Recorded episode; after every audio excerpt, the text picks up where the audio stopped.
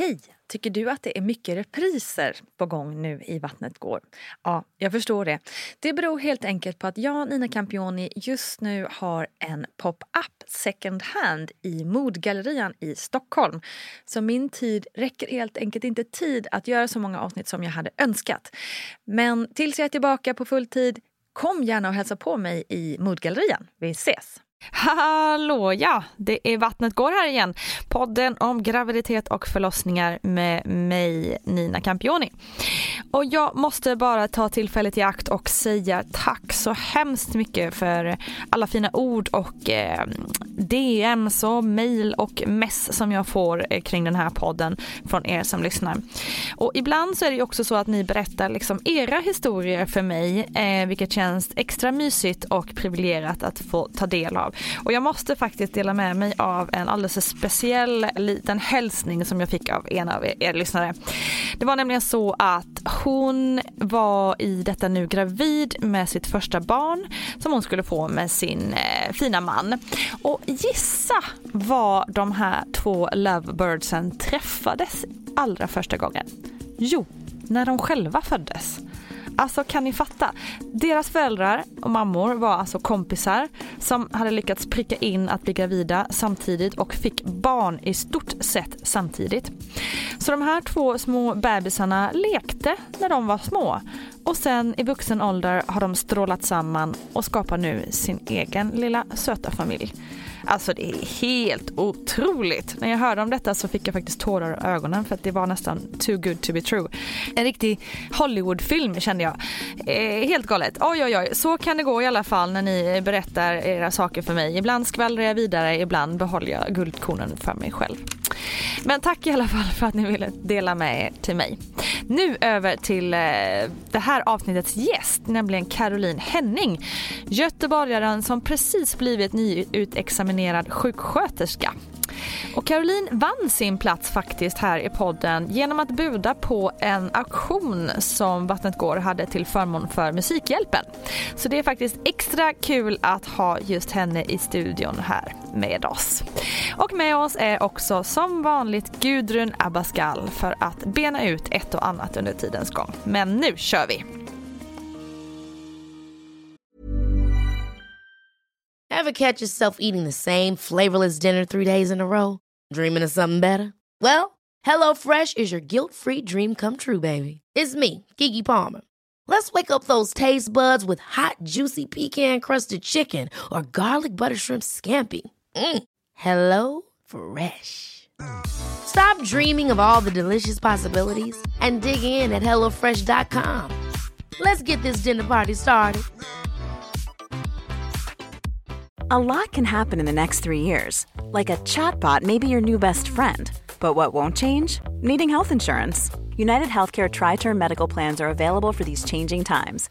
Underwritten by Golden Rule Insurance Company, they offer budget friendly, flexible coverage for people who are in between jobs or missed open enrollment. The plans last nearly three years in some states, with access to a nationwide network of doctors and hospitals. So, for whatever tomorrow brings, United Healthcare Tri Term Medical Plans may be for you. Learn more at uh1.com. Mom deserves the best, and there's no better place to shop for Mother's Day than Whole Foods Market. They're your destination for unbeatable savings, from premium gifts to show-stopping flowers and irresistible desserts. Start by saving 33% with Prime on all body care and candles. Then get a 15-stem bunch of tulips for just $9.99 each with Prime. Round out Mom's menu with festive rosé, irresistible berry chantilly cake, and more special treats. Come celebrate Mother's Day at Whole Foods Market. Quality sleep is essential. That's why the Sleep Number Smart Bed is designed for your ever evolving sleep needs. Need a bed that's firmer or softer on either side? Helps you sleep at a comfortable temperature? Sleep Number Smart Beds let you individualize your comfort so you sleep better together.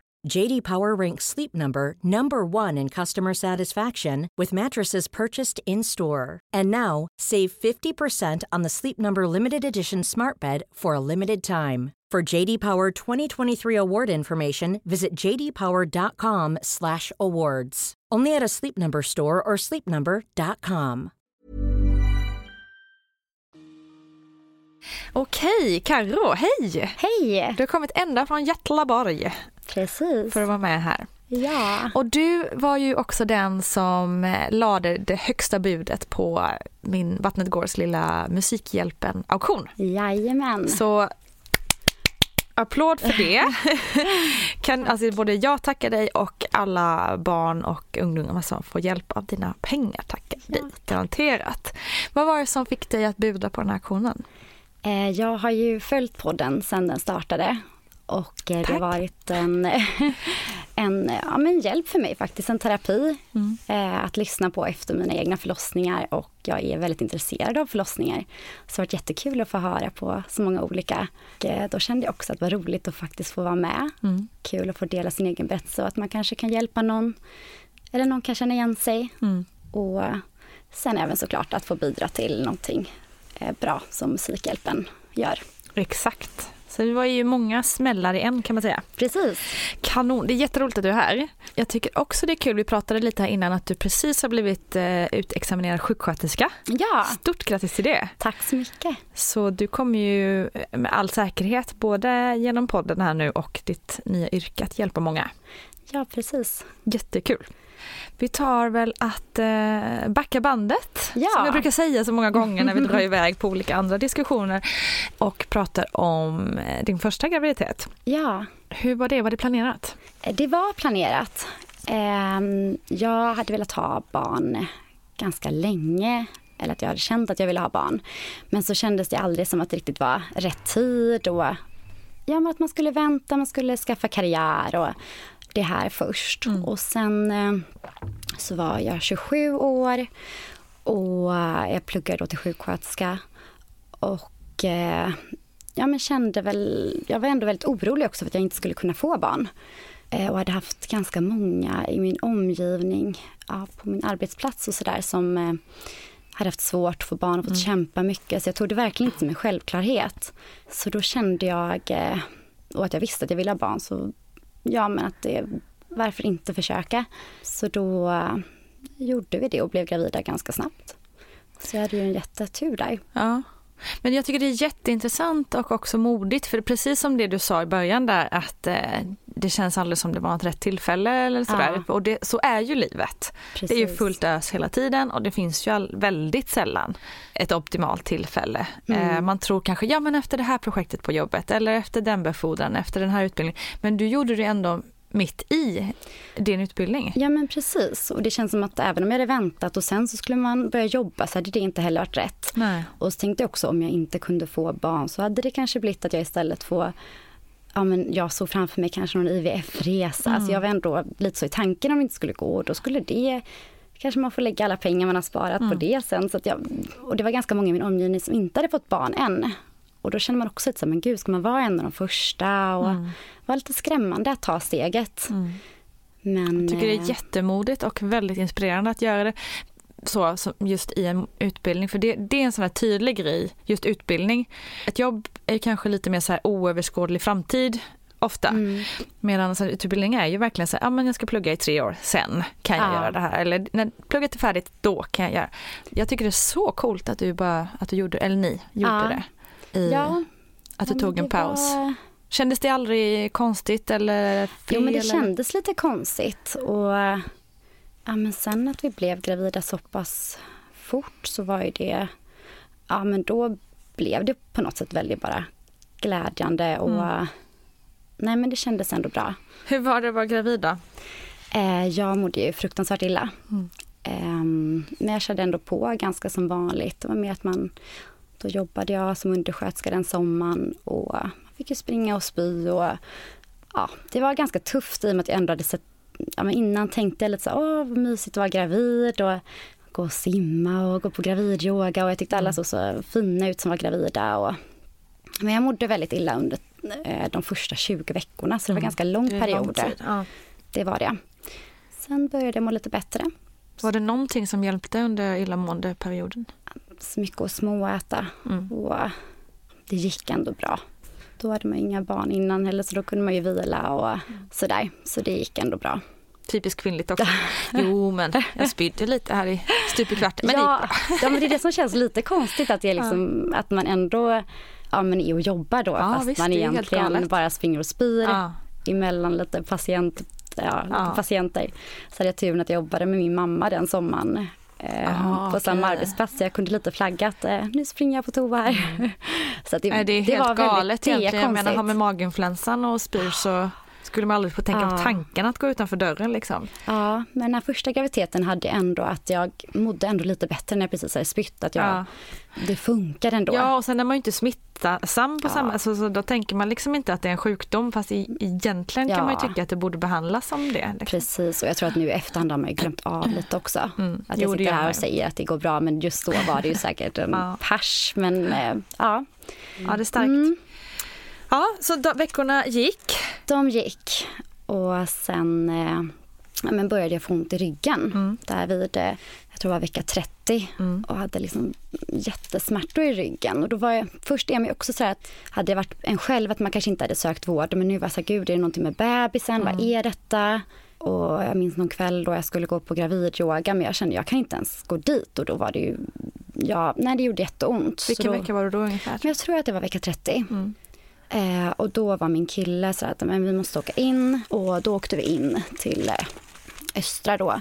Och då, de tog det verkligen på allvar och undersökte jättemycket och um, gjorde ultraljud över ryggen och, eh, och höll på jättelänge så då kände jag men gud vad är detta liksom, nu är det något konstigt. Eh, men sen kom de fram till att det var en njurstas. Vad är njurstas eller njurstas? Njurstas, ja, nej, men det är ju att urinledaren kommer i kläm under graviditeten. Det kan det göra igen när man inte är gravid också. Alltså att från njurarna så går det ju som en slang ner till urinblåsan så att njurarna producerar urinen och så rinner det ner till, eh, urinblåsan. Och den kommer i kläm.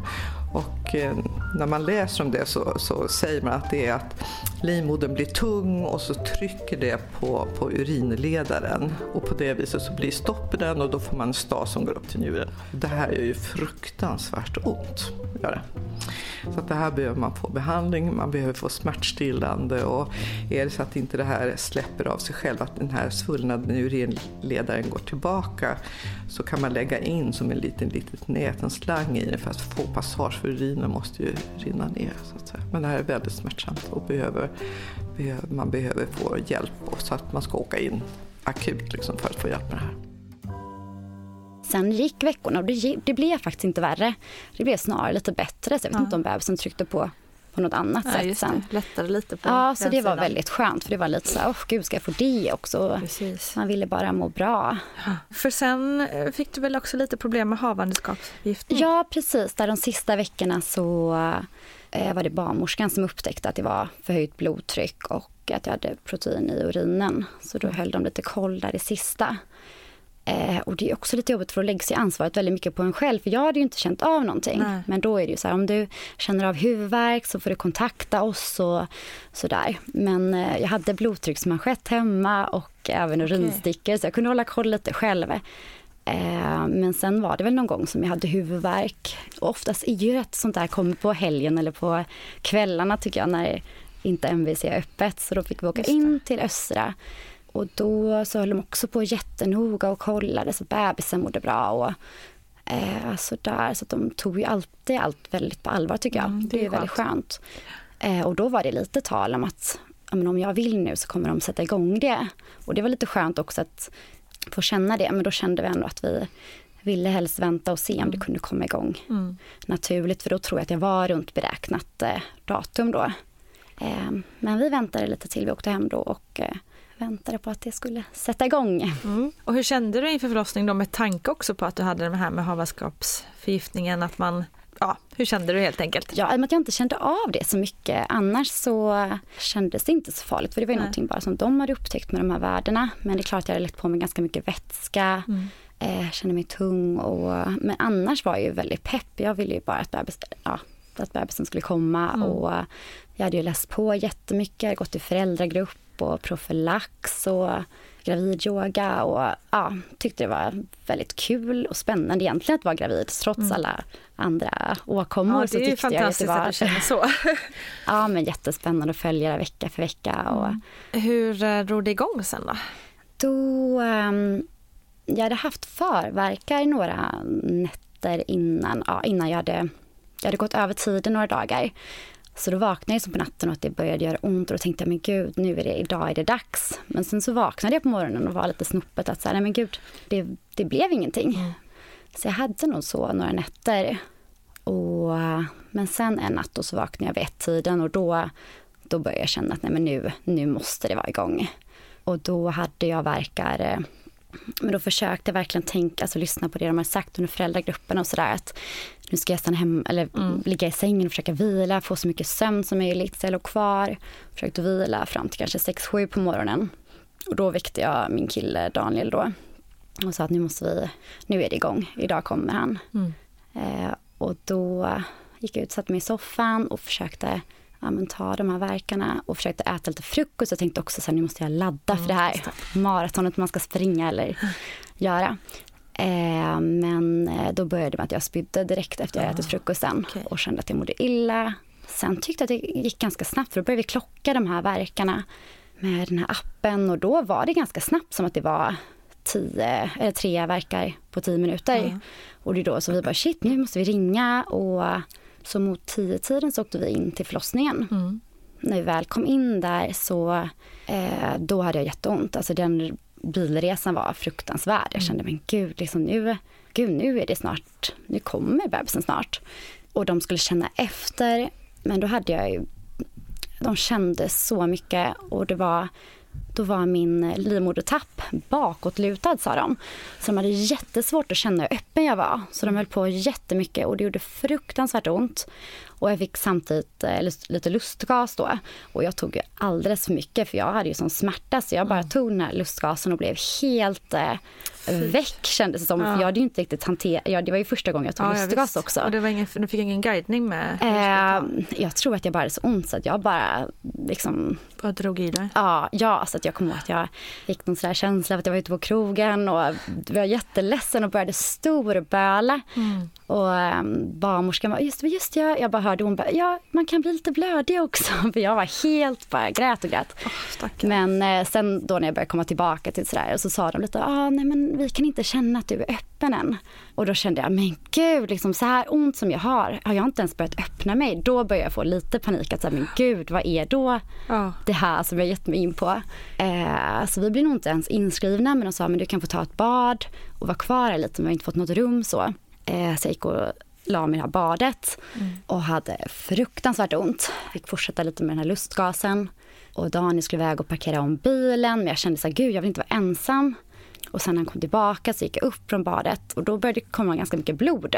Ja. Så då blev vi lite rädda men ja. de kom in och sa att det var helt normalt att det gjorde det. Eh, så det var nog något jag inte riktigt var förberedd för. Då tänkte jag så här, nu är det någonting. Är det vanligt med blödningar under själva öppningsfasen? Men har du inte läst vår bok?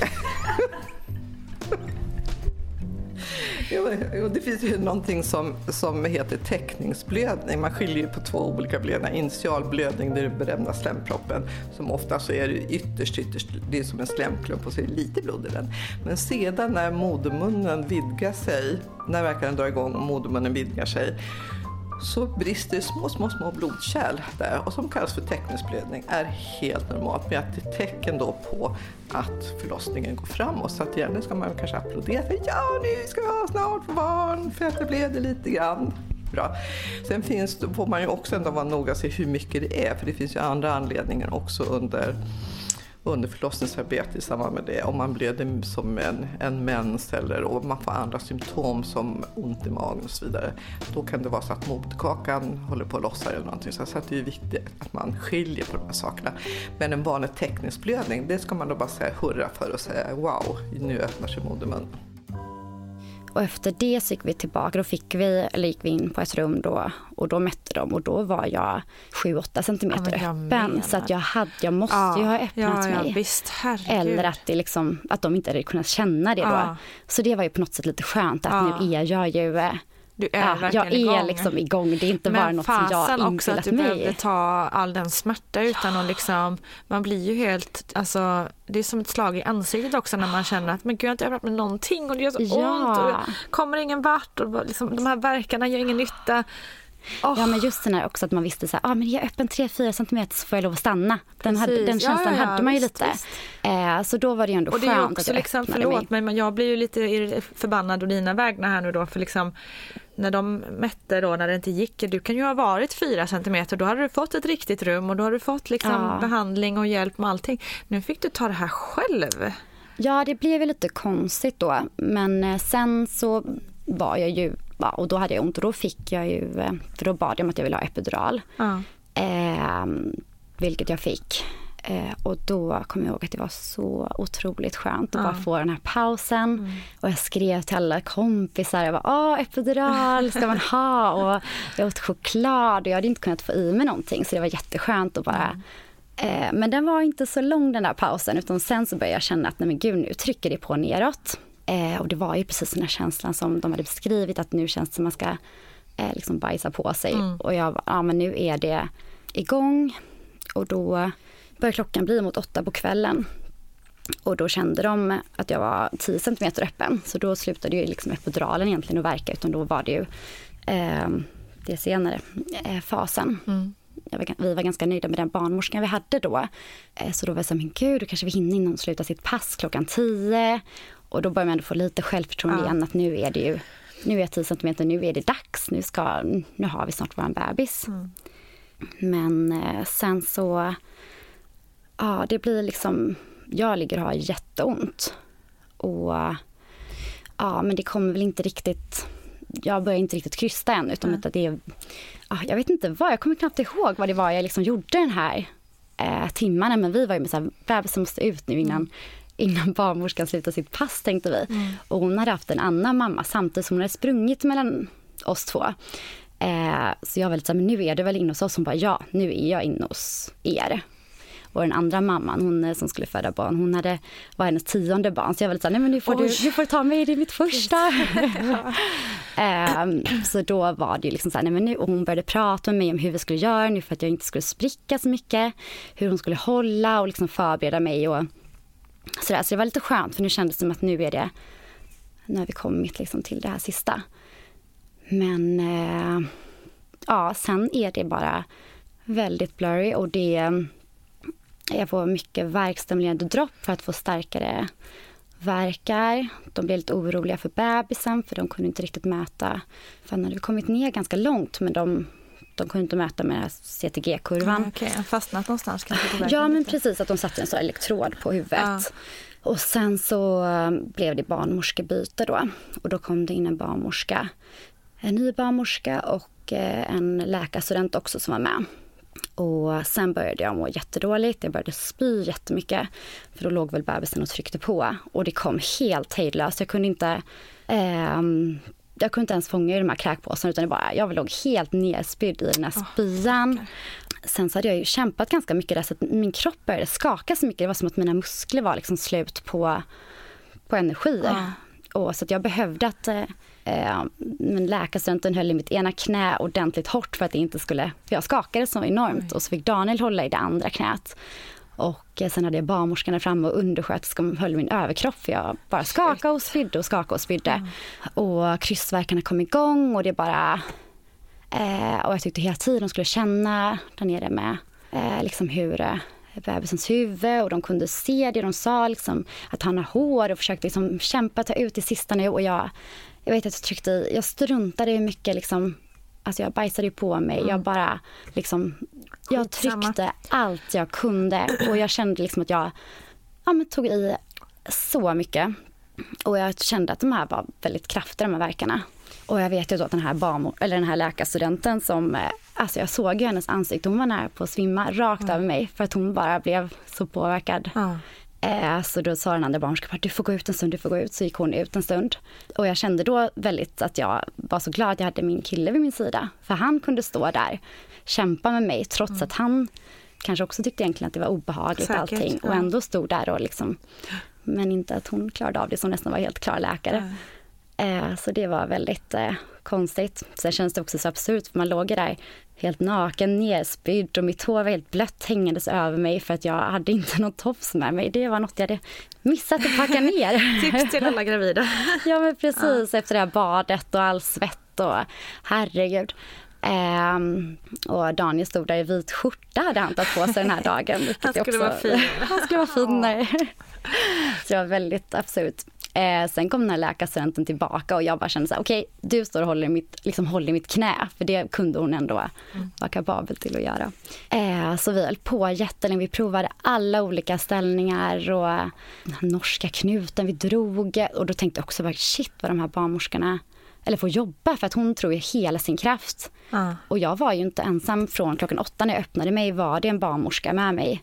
Eh, fram tills nu kanske klockan var ja, men mot 11-12. Mm. Eh, sen kom det in en till barnmorska och jag vet att det var fullt den kvällen och ändå fick jag ha ja, men en undersköterska och två barnmorskor hos mig. Så det känns ju som att där det väl ja, där det, det är finns tufft. resurserna där. Ja, eh, så att de här timmarna är liksom, ja men jag kommer knappt ihåg. Jag vet bara att jag låg där och tänkte att nu dör jag. Det är liksom, ja. Jag kunde inte tänka på den här beb bebisen. Jag vet att Daniel sa att han var orolig för bebisen i och med att de inte riktigt alltid kunde se hans hjärtljud. Men jag var helt, helt liksom att nu, nu är det, mm. nu dör jag. Mm. Sen så tog de ett beslut om eh, sugklocka eh, och frågade om det var okej. Okay, men jag var ju så här, jag kunde liksom inte ens själv se att det fanns något annat förlopp eller kejsarsnitt för jag var helt borta. Så det var ju när de sa någon, att det fanns något annat så var det bara ja, gör ut med, ut med bebisen. Ja. Eh, så då kom det in då läkare och narkos. Och, så det var så mycket personer i det här rummet, det var tio personer. Ja.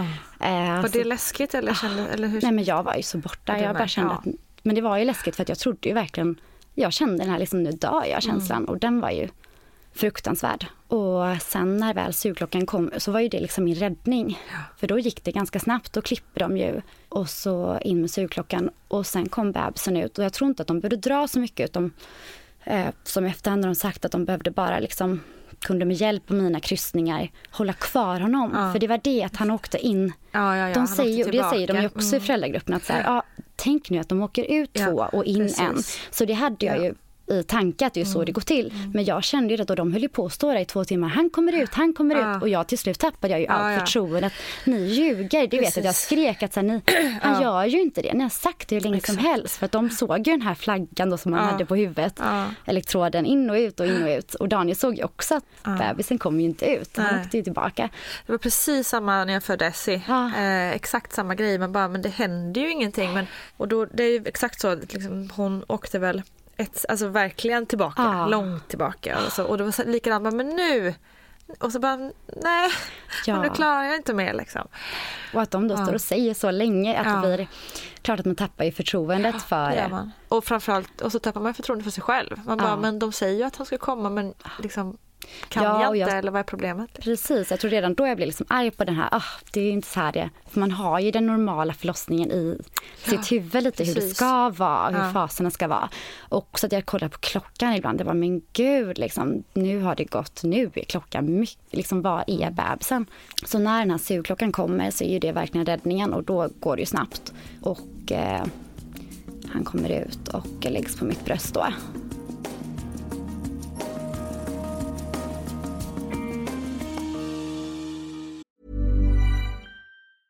Selling a little or a lot? Shopify helps you do your thing however you cha-ching. Shopify is the global commerce platform that helps you sell at every stage of your business. From the launch your online shop stage to the first real life store stage, all the way to the did we just hit a million orders stage.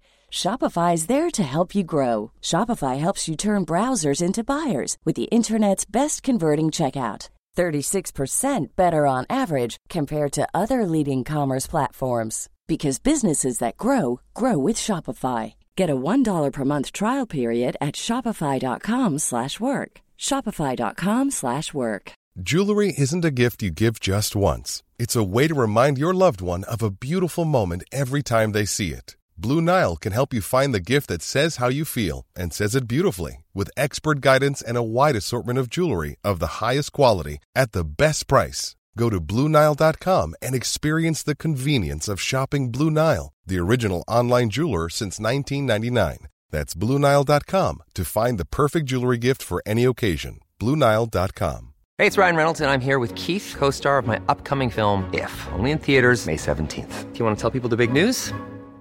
All right, I'll do it. Sign up now and you'll get unlimited for $15 a month in six months of Paramount Plus Essential Plan on us. Mintmobile.com slash switch. Upfront payment of $45 equivalent to $15 per month. Unlimited over 40 gigabytes per month. Face lower speeds. Videos at 480p. Active Mint customers by 531.24 get six months of Paramount Plus Essential Plan. Auto renews after six months. Offer ends May 31st, 2024. Separate Paramount Plus registration required. Terms and conditions apply if rated PG. Hold up. What was that? Boring. No flavor. That was as bad as those leftovers you ate all week. Kiki Palmer here, and it's time to say hello to something fresh and guilt-free. Hello Fresh. Jazz up dinner with pecan-crusted chicken or garlic butter shrimp scampi. Now that's music to my mouth. Hello Fresh. Let's get this dinner party started. Discover all the delicious possibilities at hellofresh.com. Life is full of what ifs. Some awesome, like what if AI could fold your laundry? And some, well, less awesome, like what if you have unexpected medical costs? United Healthcare can help get you covered with Health Protector Guard fixed indemnity insurance plans. They supplement your primary plan to help you manage out of pocket costs. No deductibles, no enrollment periods, and especially no more what ifs. Visit uh1.com to find the Health Protector Guard plan for you. Och jag hade ju spytt så mycket. Och jag hade ju spytt redan från morgonen. Så att jag var ju så törstig. Och jag bara liksom så här, ge mig vatten, kan någon ge mig vatten? var liksom min eh, reaktion då. Eh, och de bara, mm, vi måste undersöka lite här. Och då höll de ju på att undersöka. Och då såg de ju att jag hade spruckit ganska mycket. Eh, då hade jag ju fått en, eh, dels i det klippet och sen Ja. i slidan. Och sen hade jag också spruckit i analen då, en svinterruptur. Ruptur. precis, en grad 3-4 står det ju förlossnings, eller i journalen. Så, att, så att då hade jag även in i muskeln i analen. Så då så var de så här, nej men du ska upp till operation så du kan inte dricka någonting nu. Och jag var så törstig och det är också så här konstiga idé man, och jag fick någon liten klunk som jag fick spotta ut och jag bara kände, jag vill bara ha vatten. Så att det är ju liksom det här att det här basala går ju för. Jag kunde inte ta in att jag har blivit mamma för att jag, först att man tror att man ska dö och sen att man har den här liksom törstgrej. Alltså det är så mycket andra grejer som bara är att jag måste, jag var inte mig själv överhuvudtaget. Jag var helt trasig, både psykiskt och fysiskt. Sen lyckades vi väl få i eh, honom lite bröstmjölk och då säger de ju det att det är bara en liten sked som räcker för att de ska klara sig ganska bra. Och sen fick jag vänta ett litet tag innan jag fick åka upp till operation. Och då var det också något jag försökte förbereda mig att läsa på lite efter förlossningen nu. Att då, ja men det här första dygnet, man ska gärna ha bebisen på sig hela tiden. Så då kändes det Ja. också så här, men gud ska jag lämna mitt barn Ja. nu? Ja. Eh, Och jag hade ju spytt mycket och bebisen spydde och Daniel började må jättedåligt för att han, det blev ju en chock för Ja, honom ja, också visst. och han har inte fått i sig någon mat på hela dagen. För att han, vi blev inte riktigt inskrivna och sen så var ju att han skulle försöka ringa på någon pizza men jag var ju såhär, du Ja, lämnar inte exakt. rummet. Han Och, har ju inte prio på det kanske. nej, för vi hade, det var ju liksom, de här timmarna var ju ganska fullt ös. Så han mådde jätteilla så jag var så här, men gud vem ska ta hand om bebisen nu? Och, eh, men sen fick jag åka upp till operation och det var alltså, väldigt skönt att typ åka in där för då fick jag något avslappnande Ja. och så fick jag ju fyllt på. Jag hade ju en, kat- eller en EDA redan så de kunde ju bara fylla på med eh, spinalbedövning där då. Eh, så att då mm, fick jag liksom en vilopaus samtidigt som att de satt två läkare och sydde ihop och Ja. grejade ganska länge. Eh, sen så fick jag åka upp, eh, eller upp till uppvaket. Då kom det någon eh, sköterska där och bara, så men du nu kommer din familj här. Ja. Och det var så fint att föra så här, jag bara, men gud familj, har jag en familj? Ja. Och då kom liksom Daniel och bebisen där och det var, då liksom började jag ta in att shit, jag har liksom fått, jag har fått en bebis. Ja. Och då fick jag även dricka och en isglass.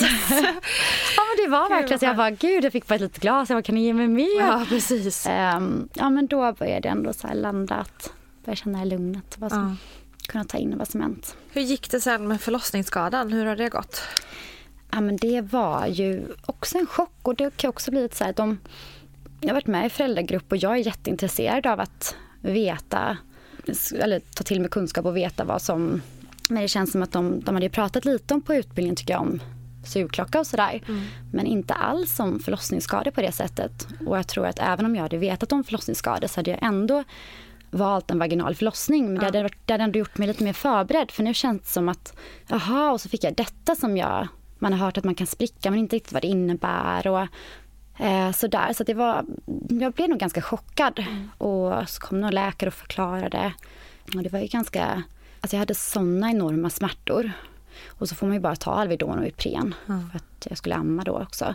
Så det var lite så här, och jag hade svårt att sitta och fick liksom ligga lite på, ja det var, det var väldigt, och det var ganska länge som det gjorde väldigt ont. Och sen ska man se till då att inte bli förstoppad. Mm. Och det är ju också väldigt svårt att få massa laxerande. Man var väldigt rädd för att gå på toaletten. Ja. För att, Ja, det förstår jag. eh, bajsa då. Så det, ja men det blev, eh, det blev så mycket att tänka för då ska man Ja. också ta in en bebis samtidigt som att man själv knappt kan sitta och har jätteont. Och, Hur länge var det så då? Kan du ihåg det? Ja, men det var, det är svårt att komma ihåg men det var ganska länge för att det blir efteråt så, eh, det blir ett projekt varje gång man ska gå på Ja. toaletten.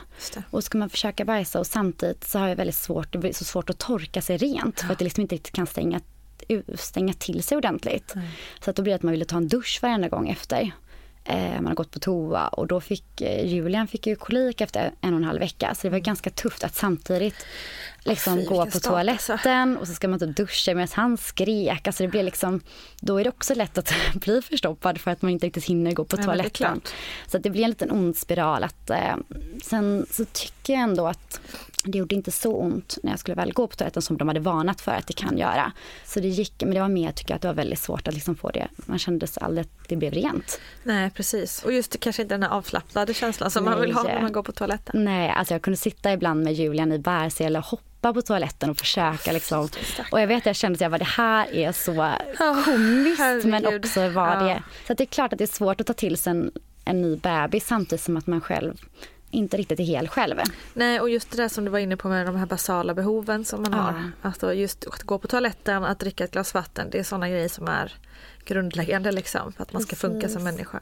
Och gå ut och gå den här första promenaden. Liksom jag, vi kunde bara ta, knappt gå runt huset. Det var liksom, gjorde så ont. Och så såg man andra mammor som bara Ja. sprang runt. Och, så det var lite tråkigt, eh, även direkt efter att han kommit ut på förlossningen, att man liksom gick runt som ett vrak. Och, Ja, men hade liksom typ min kateterpåse där hängande efter mig nästan som en hund. Och så där. Alltså jag, jag var verkligen ett vrak. Och sen så såg Dan, jag bara, "Ah, men jag såg någon från föräldragruppen här. Och då var jag så här, shit, jag lämnar inte rummet.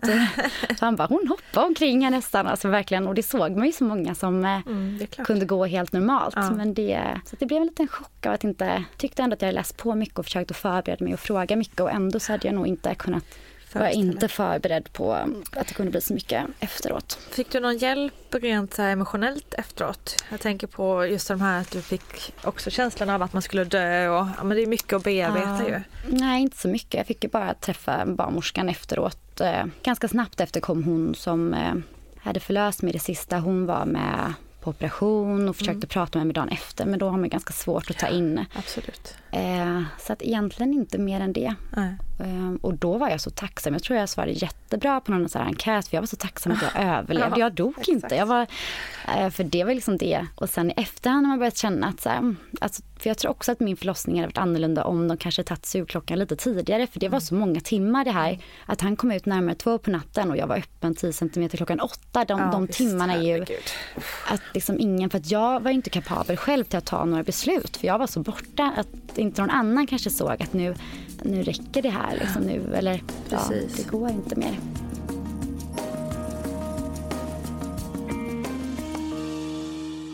Men hur kändes det sen då? För du var ju inne på att du till och med ville ha fyra barn liksom och så gick det så Ja. här vid första du hade längtat så länge. eller, Ja. varit, eller varit sugen på barn i alla fall under en längre Ja. tid. Alltså när jag fick med Essie då så kände jag verkligen så här. Först kände jag aldrig mer. Aldrig, aldrig, aldrig mer. Mm. Och sen efter kanske ett halvår upp till ett år så kände jag okej, kanske fler barn men inte i så fall adoption. Mm. Och sen började jag tänka okej, absolut syskon och jag kan tänka mig kejsarsnitt också. Och sen så blev alltså det blev någon slags sån bearbetning hela vägen. Ja. Men hur kände du inför det? Eh, jag kände först att jag skulle vänta ganska många år till, Ja. eh, till ett till barn. Eh, men jag kände ju direkt att jag aldrig gör en vaginal igen. Nej. Det sa jag ju redan på förlossningen och då var jag så här, när de tittade på mig så vet jag att de tittade så här, ah, ja du Ja, kommer ändra dig. Men då. Ja. kände jag bara, nej det kommer jag inte. Så Nej. kände jag då. Sen så blev det ganska, när Julian var ett och ett halvt då som vi eh, eh, men då träffade jag återigen några som, någon som hade svårt att få barn. Jag kände så här, men gud, det kanske inte kommer gå nästa gång. Mm. Jag har alltid varit lite rädd för det där, att, inte, att man inte ska få, kunna få barn. Eh, och så visste jag ju ändå att jag ville ha ett syskon. Eh, men så tänkte jag ändå att jag skulle försöka gå och bearbeta det jag varit med om innan. Ja. Och så ville jag också, jag ville ha något typ av papper på att jag får kejsarsnitt innan jag ens blir gravid. Vilket man har hört att det inte riktigt går heller. Mm. Eh, så sen så ha med det här, jag hade ju SGI skyddat innan jag blev gravid med Julian så, att jag, så min mammapeng baserade på att jag hade jobbat innan. Så den, om man blir gravid inom, ah, innan okay. barnet är två år och ett visst antal månader så får man ju samma mammapeng. Så då var jag så här, jag bara men gud, och då hade vi tänkt att skulle vänta men så ja. var jag den sista månaden där att jag bara men gud, ska vi vänta till jag liksom pluggat klart och jobbat eller ska vi ha Ja. Jag bara, men gud, eller vi kanske ska prova den här månaden och blir det så blir det. Ja. Och blir det inte så får vi vänta. Så sa vi lite. Ja. Eh, alltså det var väldigt, och då blev jag gravid på ett försök som egentligen... Direkt. Ja, och då hade alla var jättechockade. Bara, men ni skulle ju vänta. Och jag var så här, jag, jag hade tänkt det men så fick jag en så här, typ var en dag. Alltså det, ja. det blev lite, så det, blev, det var ju planerat men det gick väldigt fort. Ja. Eh, så det är väldigt lyckosamt att jag gjorde det. Skönt att det gått så enkelt för er. Ja, ja men just när jag varit den här rädslan också. Så, ja, mm, det var väldigt eh, skönt. Men då fick jag ju direkt den här känslan att men gud, nu, den här bebisen ska ju ut också. Ja. Och jag var nog lite så här, men gud om jag inte får sitt, då, då tar jag bort det här barnet. Jag vill inte, eh, då vill jag shit, inte. Du var ändå så rädd för det. Ja, då, för då var det känns, det var ju bara, han var ju bara ett och ett halvt år så det var fortfarande ganska färskt och det hade tagit ganska lång tid. Då började jag väl ändå känna att mitt underliv hade liksom hämtat sig lite men det tog jättelång tid. Alltså jag kände att det var, hade ont och det var ja, väldigt lång tid efter. Men har du fortfarande problem av det eller? Alltså, nu är det ganska bra. Uh. Eh, nästan återställt skulle jag säga. Uh. Och det är väldigt skönt. Jag är med i en grupp på Facebook som heter förlossningsskadad. Eh, ja, kommer inte ihåg vad den heter men uh. den är det är väldigt skönt för jag känner mig ganska ensam. Men i den gruppen har jag ju hört många andra som har varit med om liknande saker och många som också ställer sig frågan hur ska man göra med band två? Så det har varit väldigt skönt att läsa där och eh, har själv skrivit där. Så man har lite varandra att stötta sig till och då inser jag att det är många som har haft mycket tuffare än mig och haft operationer på operationer. Och, ja, för har du eh, liksom fått undersökningar så, så att liksom, man vet att det har blivit ordentligt gjort? Tänker. Ja, man får en eh, undersökning av en fysioterapeut några, vad det, åtta veckor efter. Ja. Och det är också där man kommer dit och man har ingen aning vad det är för undersökning men den undersökningen är inte rolig. Då äh. går de runt med fingret och med, håller på och känner om man ska, om man ska liksom spänna och de mäter och, och då man får ju även massa övningar. Man ska göra tre gånger per dag, ska man göra massa knipövningar. Vilket också är väldigt svårt när man har en bebis som har mm. kolik. Mm.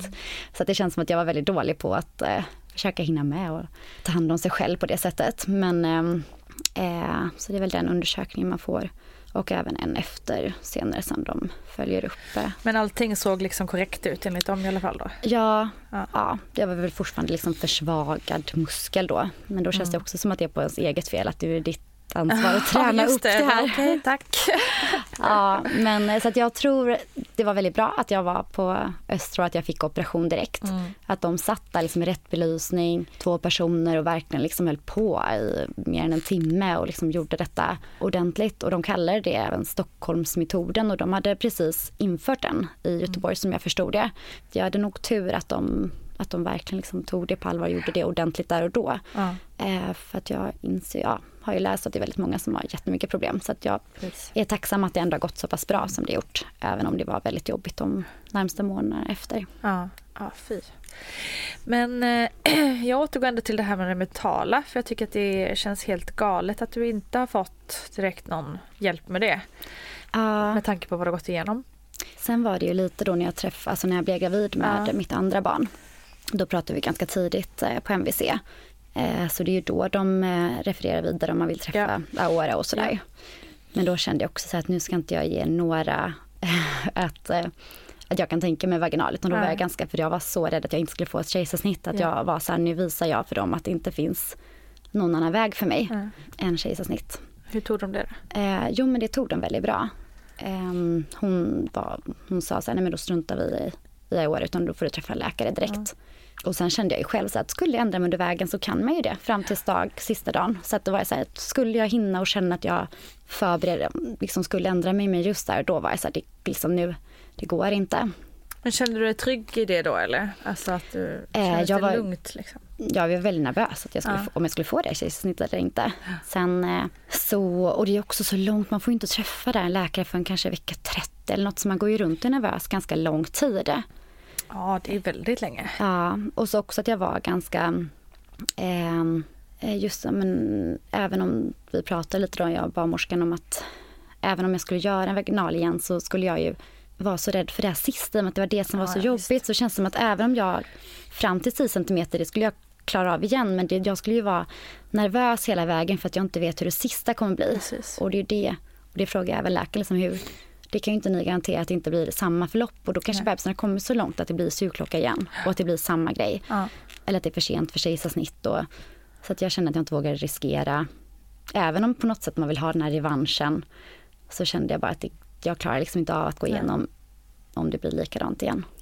Jag tror ändå man kan få en revansch om man får ett lyckat kejsarsnitt och den känslan liksom så tror jag att det också kan kännas som en ganska bra Ja, revansch. men precis. Det får du berätta om alldeles strax.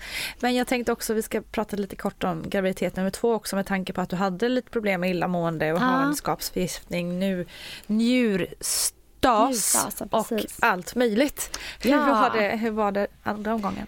Illamåendet kom ju direkt på samma Mm. sätt. Fast jag mådde mer illa hela dagarna. Så då började jag känna lite så här, hmm, det känns lite annorlunda. Kan det vara ett annat kön på den här bebisen?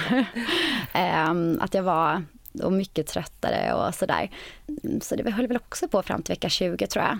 Sen blev det bättre och sen mådde jag jättebra. Ja, så jag skönt. fick inte problem med det här med njure eller någonting annat. Så att, eh, efter det mådde jag, särskilt de sista veckorna mådde jag jättebra.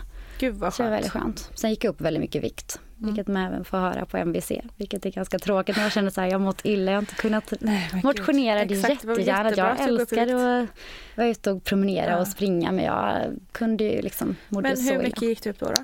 Eh, jag kommer faktiskt inte riktigt ihåg Nej. och jag har faktiskt inte varit så liksom noga med att följa Nej. eh, det. Men julen vet, gick upp ganska mycket men då var det ju väldigt mycket vätska i slutet. Mm. Här var det nog att kroppen visste direkt att liksom jag skulle samla på mig. Det gick upp mycket snabbare. Det var nog det också att jag kanske redan i vecka 20 hade gått upp ganska mycket Ah, och det var väl säkert med att jag mått illa inte kunde röra mig så mycket. men sen herregud. tror jag inte att jag gick upp så mycket för sen kunde jag äta lite mer som normalt. Och, Men det är tråkigt att höra också när man känner att man Såklart. kan inte riktigt jag har liksom inte kunnat gjort något annorlunda. Nej. Jag ligger på soffan hemma och mår dåligt. Krävs det att man måste vara överviktig från början för att barnmorskan ska uppmärksamma om en eh, viktuppgång? Nej, det tycker jag väl inte att det ska, att det ska vara. Eh, Om man tittar i programmet som barnmorskorna har under graviditeten och rättar sig efter vad man pratar om så finns det första inskrivningssamtalet där så har man någonting som heter eh, livsstil, hälsosamtal och där tänker jag att där borde ju det här med viktuppgången under graviditeten komma upp. Det är ju intressant för alla, för alla parter så att säga. Så att det tror jag inte de allra flesta, jag kan inte svara för alla barnmorskor, men att de allra flesta diskuterar det här med vikt. Sen finns det vissa kvinnor som inte vill väga sig och då behöver man inte göra det. Men att man tar upp det, det har jag svårt att tänka mig att man inte gör. För till slut då så, ja men jag träffade en läkare och jag, de var ganska liksom att så här, ja du får ett kejsarsnitt. Ja. Och det var mycket för den medicinska anledningen. Att jag hade den här sprickan eller den förlossningsskadan. Samtidigt som att jag själv kände, jag tryckte ändå lite på att det var, mycket var ju själva upplevelsen av de här sista timmarna. Alltså jag trodde att jag skulle dö. Det var lite det som egentligen gjorde att jag ville ha ett kejsarsnitt. Och det är ju också Eh, helt sjukt att inte ja. det vä- väger lika mycket som Ja precis, för jag kände lite skada. så. Hade jag inte fått den här skadan vet jag inte om jag hade fått det igenom Nej. ett kejsarsnitt. För Nej. nu var det väldigt så att det, det står medicinskt, liksom att det är anledningen. Eh, det är klart att det skrämde ju mig att få en till sådan skada. Mm. Samtidigt som att jag kände att jag var ju Men det är en jätteintressant eh, synpunkt för jag tycker överlag det här med hur man jämför mentala R med fysiska R borde kunna behandlas på samma sätt tycker man. För det är precis lika skadligt med mentala... Sen valde jag också att inte gå i aura-samtal för att jag Mm. var så pass bestämd på vad jag ville. Där hade jag kanske fått mer hjälp med att bearbeta min upplevelse. Men nu Absolut, att, men man borde ja, också kunna ta ja. hänsyn till det mentala Ja, när man gör en bedömning. Ja, precis. För På detta samma var sätt ju som mitt, man gör med liksom, det fysiska. Mm, absolut, det håller jag med om. För nu var det ju, detta fick, var ju mitt kort till kejsarsnitt. Men, och det visste jag ju inte riktigt innan heller. Så då var jag lite rädd liksom vad, Mm. vad som, att det vägde så pass tungt. Hur kändes det när, du, när de liksom satte check? Godkänt? Ja men det var ju skönt på ett sätt. Alltså det var verkligen en, väldigt skönt att så här, ah, gud nu får jag detta om jag vill och skulle jag ändra mig så kan jag ändra mig. Mm. Sen är det ju också tråkigt att det känns som att ja, ja, okej, du får ditt kejsarsnitt, men här är alla risker. De Mm. pratar ju mycket om att om du, du kan få ärrbildningar, det kan bli svårt att bli gravid i framtiden om du vill ha fler barn och du kan inte ha för många kejsarsnitt och de börjar prata mycket om det. Eh, och ja, mycket risker och det är det jag också känner att jag fick inte ha några risker med här, en vaginal förlossning. Det. Då är det väldigt mycket, särskilt den här föräldrautbildningen var ju så mycket liksom rosa moln och eh, alla faserna och jag kände att det inte alls speglade min förlossning. Nej. Och även om jag hade gjort samma, jag hade valt en vaginal igen eh, om jag hade fått mer information också. Mm. Men här känns det som att de, de trycker väldigt mycket på alla risker. Mm. Det är lite tråkigt. Ja, alltså det är klart att det är jätteviktigt att veta både risker och fördelar med de olika liksom, besluten man ska ta. Mm. Men då är det viktigt att man får riskbedömningen även vid en vaginal förlossning. Precis, Så att ja. för jag är ju tacksam, liksom. ja men precis, för jag är ändå tacksam att jag får, alltså det är ju intressant att veta att vad, jag, vad detta kan leda till också och vad riskerna kan bli.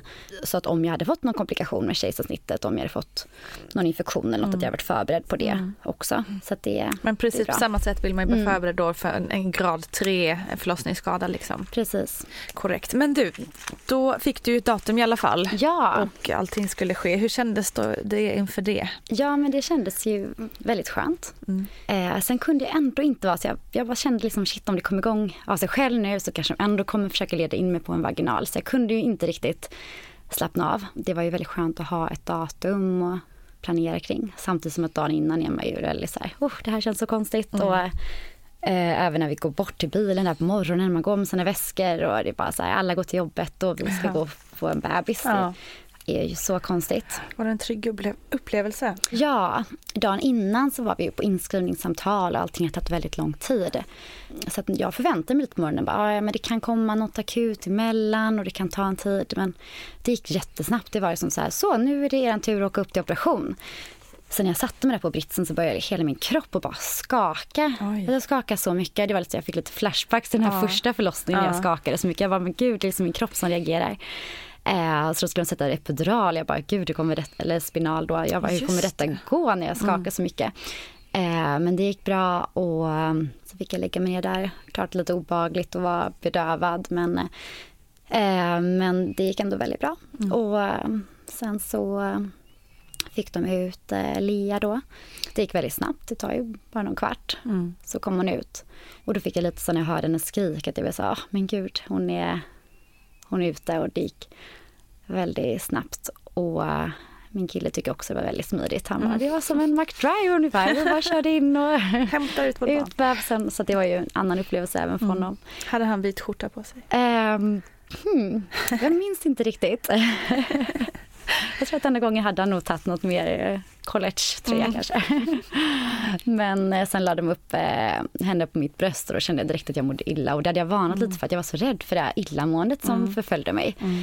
Eh, vilket man kan göra då, eller få under kejsarsnitt. Och då, ehm, så då fick Daniel ta henne och så fick jag fokusera på att bara försöka må bra och inte spy och sådär. Men, och sen så, ja nej men det var, sen så åkte vi in där på uppvaket och fick jag henne på bröstet och ja men det var väldigt skönt. Kunde du känna någon form av re- revanschkänsla ändå eller? Jo men lite ändå, i och med att allt var så lugnt. Alltså det var inte, ja det var liksom skönt. Här kunde jag ju, jag var med. Sen var det ju lite läskigt när de satte epiduralen för att man var så pass med. Det var Mm. man ju inte vid den första gången. Det. Eh, då, och då hade de satt fel jättemånga gånger och höll på med Julian. Men här var det ju liksom, uh, nu kände man allting. Men det var ändå, nej det var en väldigt bra upplevelse. Så det på något sätt absolut känns det som en revansch. Att det var Mm. tryggt och skönt. Sen är det ju tråkigt efter ett kejsarsnitt att du inte kan alltså, resa dig upp och kanske vagga med din bebis. Det blir ju ganska sängliggande. Nu har ju du, du har varit med om mycket grejer. Är det något, något råd du har att ge vad som helst egentligen nu till någon som är gravid? Nej, men något jag tänker att, eh, alltså det är svårt att förbereda sig och att jag kanske med min första att jag hade tänkt lite så ah, men så här är normal eller det här.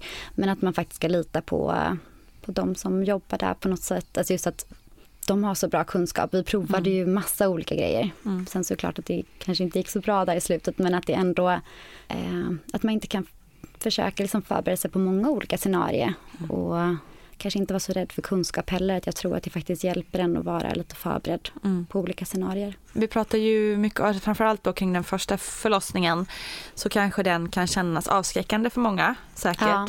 Men hur känner du för den så här nu några år efter? Ja, men jag skulle ändå aldrig liksom rådgöra någon att kanske ta ett kejsarsnitt. Mm. För jag hade gjort detsamma idag. Mm. Jag Sen hade jag oturen att det blev som det blev. Och det är ju, jag känner ju också när jag pratar med många andra att det är många som haft väldigt bra upplevelser. Och så att eh, nej, jag, vill, jag hoppas att jag inte avskräcker. Jag förstår att jag kan göra det. Men, Nej, men det är inte, alltså det är ju inte poddens mening heller utan meningen med podden är ju att man ska vara, just som du var inne på, att man ska vara medveten om att det kan, en förlossning kan ske och ett barn kan komma till på väldigt många olika vis. Mm. Att det inte finns någon ett A, så här går en graviditet och en förlossning till. Utan eh, att, man, att det är också en bra förberedning inför det som komma ska. Att man förstår att det kan hända olika saker helt enkelt. Precis, och också förståelse att eh, alla varit med om olika upplevelser. Precis. Och sen säkert eh, garanterat sitter det någon och lyssnar som har varit med om något liknande som kan mm. känna förtröstan i att man inte är själv och ensam. Mm, säkert. Och det är värt ganska mycket. Ja. Mm. Jättestort tack för att du ville ta dig hela vägen till Stockholm och prata med mig. Och tack igen och Musikhjälpens vägnar. Ja, tack så mycket för att jag var med. Stort, stort tack Caroline Henning för att du inte minst budade på aktionen på Musikhjälpen men också för att du ville dela med dig av allt som du har upplevt under dina två graviditeter. Och stort tack som vanligt till kära du lyssnare som lyssnar, kommenterar och eh, allmänt härliga för att ni väljer att spendera er tid med mig här i podden. Glöm inte att vi finns på Instagram, Vattnet går. Men nyhet, vi finns också, eller vi, Vattnet går, eh, finns också numera som nyhetsbrev. Så signa gärna upp er på det. Ni kan göra det. Ni hittar i länken eh, till nyhetsbrevet i profilen på Instagram. För jag tänkte vi gör som så här att varannan vecka kommer ju ett avsnitt och varannan vecka kommer ett nyhetsbrev med lite härliga tips, kanske någon extra fråga från de som jag precis intervjuat eh, och annat smått och gott som kan vara matnyttigt för dig där ute helt enkelt. Signa upp på det. Och tills dess så ha det så bra.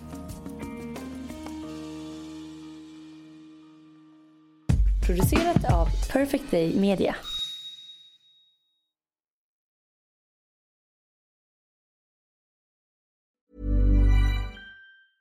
Even when we're on a budget, we still deserve nice things. Quince is a place to scoop up stunning high-end goods for 50 to 80% less than similar brands. They have buttery soft cashmere sweaters starting at $50, luxurious Italian leather bags, and so much more. Plus, Quince only works with factories that use safe, ethical, and responsible manufacturing. Get the high-end goods you'll love without the high price tag with Quince. Go to quince.com/style for free shipping and 365-day returns. Ever catch yourself eating the same flavorless dinner 3 days in a row, dreaming of something better? Well, HelloFresh is your guilt-free dream come true, baby. It's me, Kiki Palmer. Let's wake up those taste buds with hot, juicy pecan-crusted chicken or garlic butter shrimp scampi. Mm. Hello Fresh. Stop dreaming of all the delicious possibilities and dig in at HelloFresh.com. Let's get this dinner party started. Mom deserves the best, and there's no better place to shop for Mother's Day than Whole Foods Market. They're your destination for unbeatable savings, from premium gifts to show-stopping flowers and irresistible desserts. Start by saving 33% with Prime on all body care and candles. Then get a 15-stem bunch of tulips for just $9.99 each with Prime. Round out Mom's menu with festive rosé, irresistible berry chantilly cake, and more special treats. Come celebrate Mother's Day at Whole Foods Market. Hi, I'm Daniel, founder of Pretty Litter. Cats and cat owners deserve better than any old fashioned litter. That's why I teamed up with scientists and veterinarians to create Pretty Litter. Its innovative crystal formula has superior odor control and weighs up to 80% less than clay litter. Pretty Litter even monitors health by changing colors to help detect early signs of potential illness. It's the world's smartest kitty litter. Go to prettylitter.com and use code ACAST for 20% off your first order and a free cat toy. Terms and conditions apply. See site for details.